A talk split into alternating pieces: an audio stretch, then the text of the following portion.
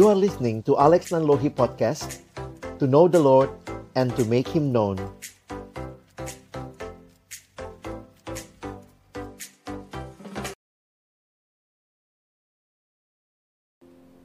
Mari kita berdoa sekali lagi sebelum membaca merenungkan firman-Nya. Kami datang dalam ucapan syukur di hadapan-Mu ya Tuhan. Terima kasih karena kami boleh bersama-sama berseru menaikkan doa kami kepadamu. Dan kami juga bersyukur kesempatan boleh membaca merenungkan firman-Mu. Kiranya kembali Tuhan menyapa kami menolong kami pada akhirnya kami bukan hanya menjadi pendengar-pendengar firman yang setia, tapi mampukan dengan kuasa dan pertolongan dari rohmu yang kudus, kami boleh dimampukan menjadi pelaku-pelaku firman-Mu di dalam kehidupan kami. Bersabdalah ya Tuhan kami umat-Mu sedia mendengarnya. Di dalam satu nama yang kudus, nama yang berkuasa, nama Tuhan kami Yesus Kristus, Sang Firman yang hidup.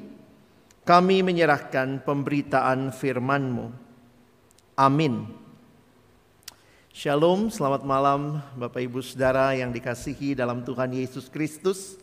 Baik yang ada di dalam gedung gereja ini maupun juga Bapak Ibu Saudara yang ada di rumah.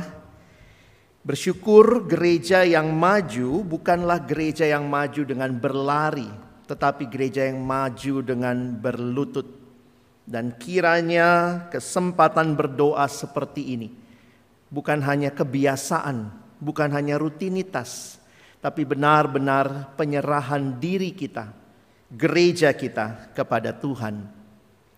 Hari ini kita akan melanjutkan bagian untuk memahami apa yang menjadi karakter manusia yang baru di dalam Kristus. Saya menyiapkan satu PowerPoint buat kita untuk bisa kita perhatikan. Hari ini kita bicara manusia berduka cita. Wah, ini bagian dari Matius pasalnya yang kelima, ayat yang keempat. Tapi saya ingin aja kita kembali baca dari ayat yang kedua supaya kita tetap ingat ini adalah khotbah Yesus di bukit.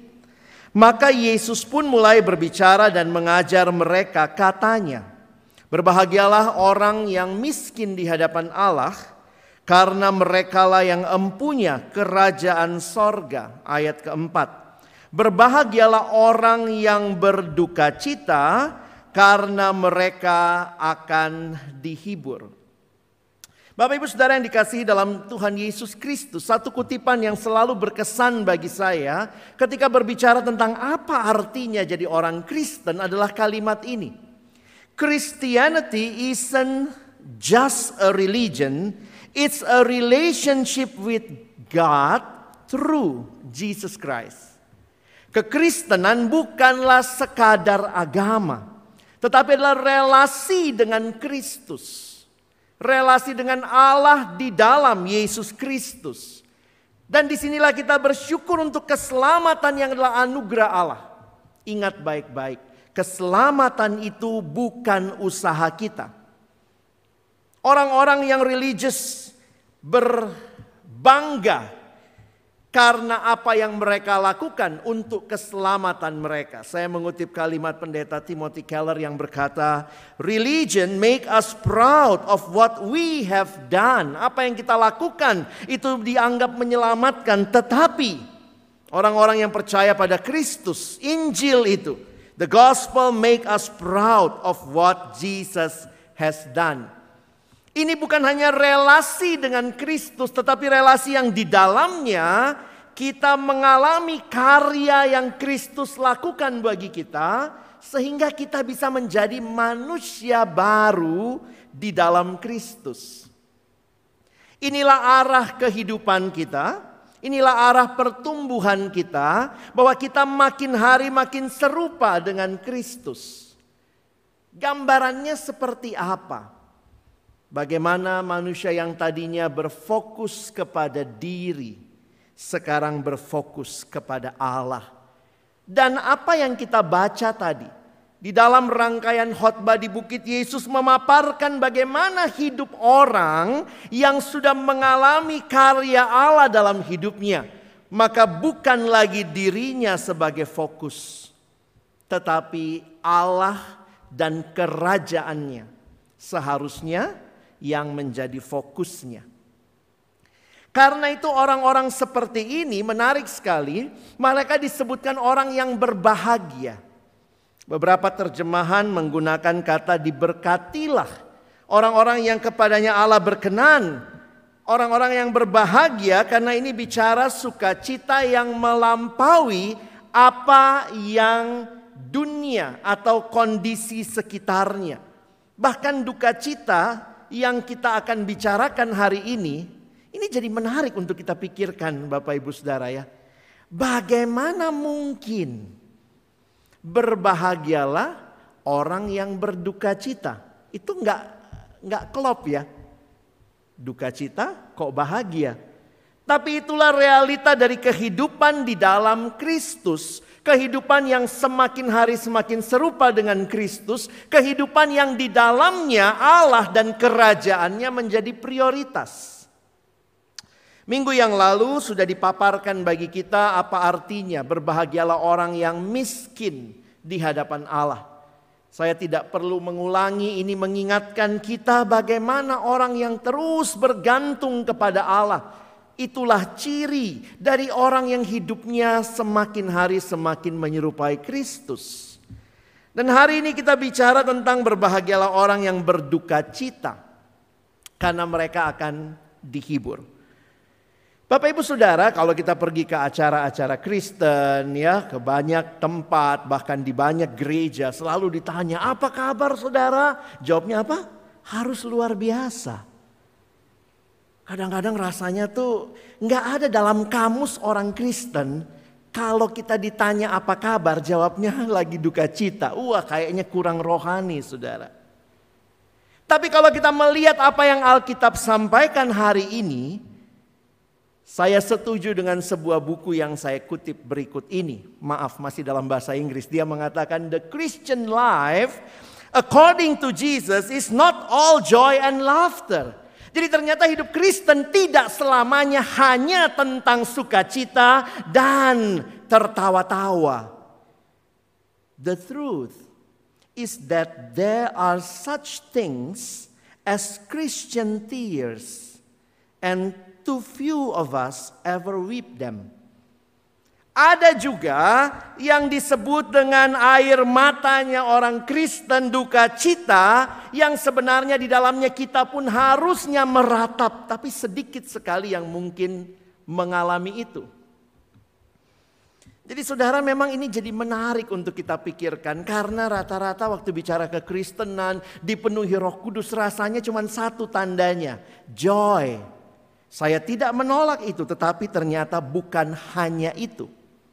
Orang yang hidupnya makin selaras dengan firman, maka ada duka cita yang dia alami karena dia melihat kerajaan Allah dan kebenarannya tidak sedang dilakukan dengan benar. Tidak sedang terjadi sehingga Bapak Ibu Saudara yang dikasihi Tuhan ini jadi menarik untuk kita pikirkan dan kita refleksikan. Jangan-jangan kita juga cuma punya satu pemahaman dipenuhi roh kudus adalah sukacita saja. Ini duka cita semacam apa yang dibicarakan? Nah, mari kita coba lihat sebentar ya.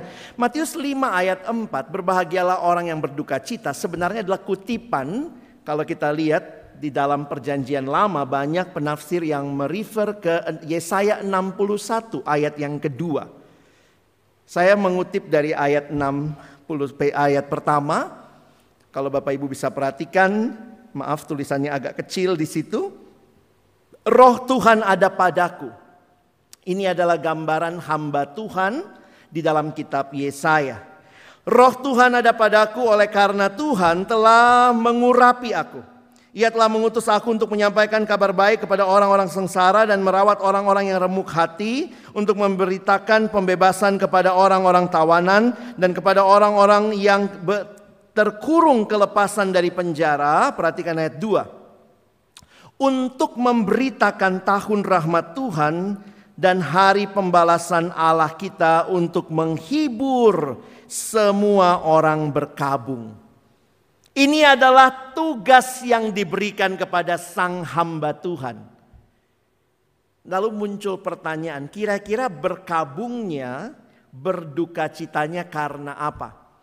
Sebagian penafsir setuju ini terkait dengan dosanya Israel. Karena ingat, Yesaya bicara setelah memberikan mereka pengharapan bahwa nanti Tuhan akan bawa mereka keluar dari pembuangan.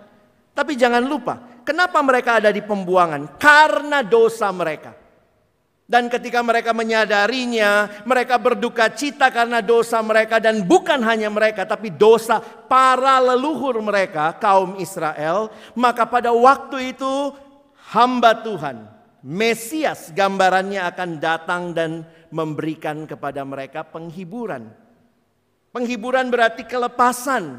Penghiburan berarti Allah mengampuni. Penghiburan di sini juga bicara bahwa ada komitmen untuk taat dan setia. Jadi bukan hanya bertobat, berduka cita, aduh sedih sekali dosa-dosaku. Tetapi setelah itu what next? Apakah ada hidup yang semakin selaras dengan kehendak Tuhan? Sehingga bisa kita simpulkan bahwa duka cita di sini terkait dengan dosa. Bahkan kalau kita lihat lebih luas terkait dengan kejahatan. Kalau saya mengajak kita untuk memperhatikan ya bahwa sebenarnya Yesus juga di dalam Alkitab dituliskan beberapa kali meratap atau menangis. Ya, yang pertama misalnya uh, kalau dalam bahasa Inggris ditulis di situ ya, uh, Yesus menangisi dosa orang-orang, wept over the sins of others, lalu over their bitter consequences. Misalnya kematian menjadi akibat dari dosa dan juga dari konteks Yerusalem yang tidak mengakui atau menolak Yesus ya. Jadi kalau kita lihat Yesus menangis melihat Yerusalem pada waktu itu. Dan kalau kita pikir-pikir harusnya juga ini jadi kalau kita seperti Yesus Bapak Ibu Saudara ya. Apakah memang juga duka cita duka cita seperti ini mewarnai juga kehidupan kita? Jadi kalau saya coba simpulkan bahwa berduka karena dosa dan kejahatan yang dimaksudkan di dalam ayat ini terkait dengan baik itu dosa pribadi maupun juga di konteks di mana saudara dan saya hidup. Jadi mari kita coba hayati. Kalau saya ini warga kerajaan sorga. Saya makin mirip seperti Yesus. Apakah saya makin berduka cita? Ketika menyadari bahwa ada bagian-bagian hidup yang harus terus disucikan. Dan melihat juga kondisi di sekitar kita. Sehingga saya juga bersama-sama bertelut di hadapan Tuhan, berdoa, berseru, mohon keadilan, mohon pemulihan. Dan Tuhan janji, orang yang berduka cita akan hal-hal tersebut akan dia hiburkan.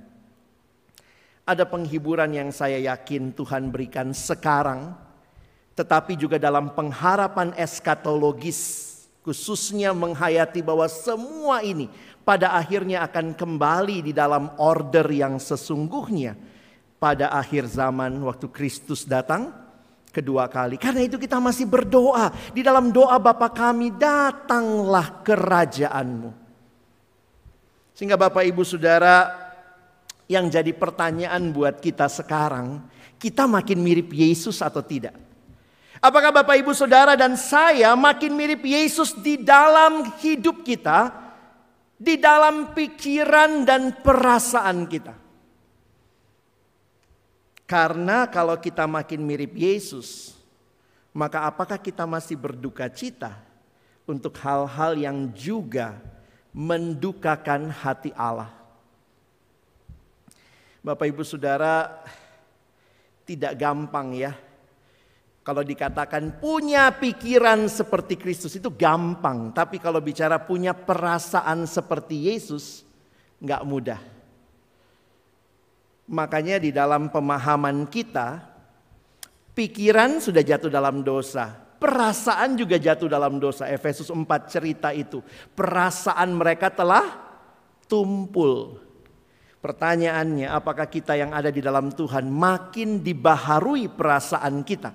Perhatikan kata pemazmur ini ayat yang saya lama renungkan. Air mataku berlinang seperti aliran air karena orang tidak berpegang pada Tauratmu. Apa yang membuat pemazmur air matanya berlinang seperti aliran air? Mungkin pertanyaan sederhana begini, kapan terakhir kali Bapak Ibu Saudara menangis? Saya nanya sama anak sekolah ya, kapan terakhir kamu nangis? Tadi pagi kak, kenapa? Kejepit pintu. Ya itu juga bisa bikin nangis ya. Tetapi kapan terakhir kali kita menangis melihat orang tidak hidup dalam kebenaran firman? Saya banyak pelayanan ke anak sekolah, siswa. Saya bilang begini, kamu lihat temanmu nyontek, apa responmu? Kalau kamu makin mirip Yesus, harusnya lihat teman nyontek apa? Perasaannya apa? Kalau pikirannya udah tahu nyontek salah, perasaannya ikut nggak? Oh tidak benar, oh sedih sekali lihat teman tidak pegang firman Tuhan. Air mata berlinang, apakah kita berlinang air mata hanya karena hal-hal yang kita mau lalu tidak tercapai atau benar-benar berlinang air mata karena lihat ketidakbenaran.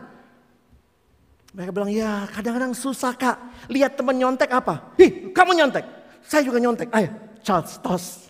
Bareng-bareng nyonteknya. Jadi bukannya berlinang air mata. Bapak ibu saudara lihat orang korupsi gimana di bangsa kita. Karena koruptor diperlakukan seperti selebriti ya. Masuk TV, ya, diwawancara. Kadang-kadang jangan-jangan hati kita, perasaan kita tidak seirama dengan pikiran kita bahwa ini adalah yang menghancurkan masyarakat.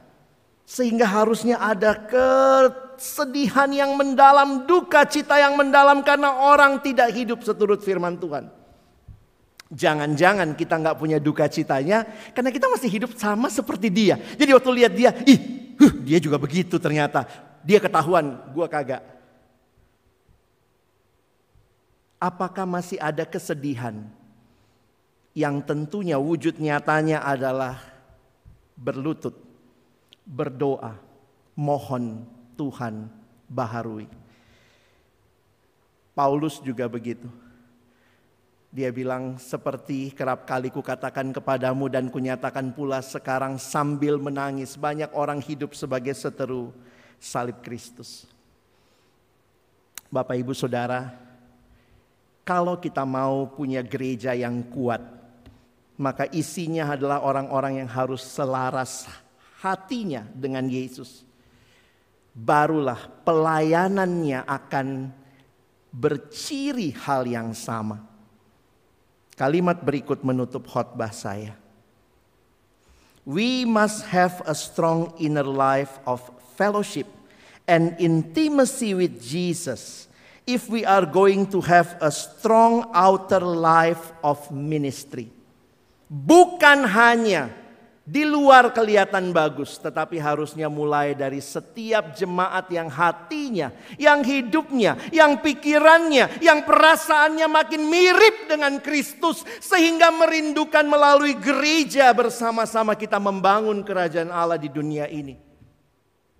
Bersuka cita untuk hal-hal yang menyenangkan hati Tuhan, tetapi juga berduka cita untuk hal-hal yang mendukakan hati Tuhan dan pegang janjinya, Tuhan akan hiburkan kita di dalam waktu dan kehendaknya. Maka pertanyaannya, bagaimana dengan saudara? Manusia yang makin mirip Yesus membangun kerajaan Allah, dia berduka cita dan kiranya kita juga mengalami hal itu. Amin. Mari berdoa. Terima kasih untuk firman-Mu ya Tuhan. Jangan biarkan pikiran, hati kami, perasaan kami makin mirip dunia. Bahkan ikut bersuka cita untuk ketidakadilan, ikut bersuka cita berpesta pora dalam dosa. Tetapi biarlah kami makin mirip dengan Engkau ya Kristus Yang hatimu hancur melihat manusia yang hidup jauh darimu. Dan bahkan melayani mereka untuk boleh dikembalikan ke dalam citra Allah yang sejati. Terima kasih karena hari ini kami boleh belajar satu aspek baru lagi di dalam hidup kami beriman kepada Kristus. Duka cita yang kudus karena di dalamnya kami dijanjikan Tuhan menghibur, Tuhan menguatkan, Tuhan mengampuni, Tuhan menyucikan, dan Tuhan memakai kami bagi pekerjaan pembangunan tubuh Kristus. Kami bersyukur, tolong kami bukan hanya jadi pendengar firman, mampukan kami jadi pelaku-pelaku firman-Mu. Di dalam nama Tuhan Yesus kami sudah berdoa. Amin.